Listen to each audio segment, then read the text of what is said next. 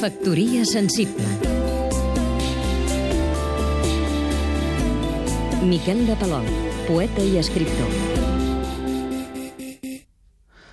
ha entre els sociòlegs la casta que s'agrada denunciar catàstrofes en forma de finals d'època. Vivim envoltats de coses que s'acaben, de costums amb els dies comptats. Ja fa temps que es diu que les sales de cine desapareixeran. La gent hi va menys cada cop, no són rendibles, les han ferit de mort els vídeos domèstics, ara DVDs, les pel·lícules a la xarxa, moltes descarregades de forma il·legal, les han rematat, etc. S'han acabat les grans catedrals del cine, amb grans cues i grans afluències en les pel·lícules de gran èxit. Vet aquí una dada incontrovertible.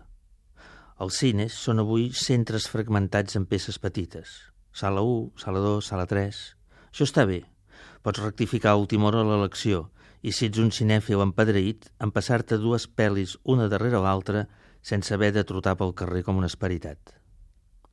O jo m'he distret o fa temps que no es prediu que això s'acaba. El lament de fons sempre hi és, d'una manera o altra, però sembla que l'expectativa de vida d'aquest format d'estar per casa és, a la mesura en què ho és res en aquests temps, relativament optimista. No em sembla malament, Només hi ha una cosa que no m'hi acostumo. La pesta i el rosec de les punyeteres crispetes. Factoria sensible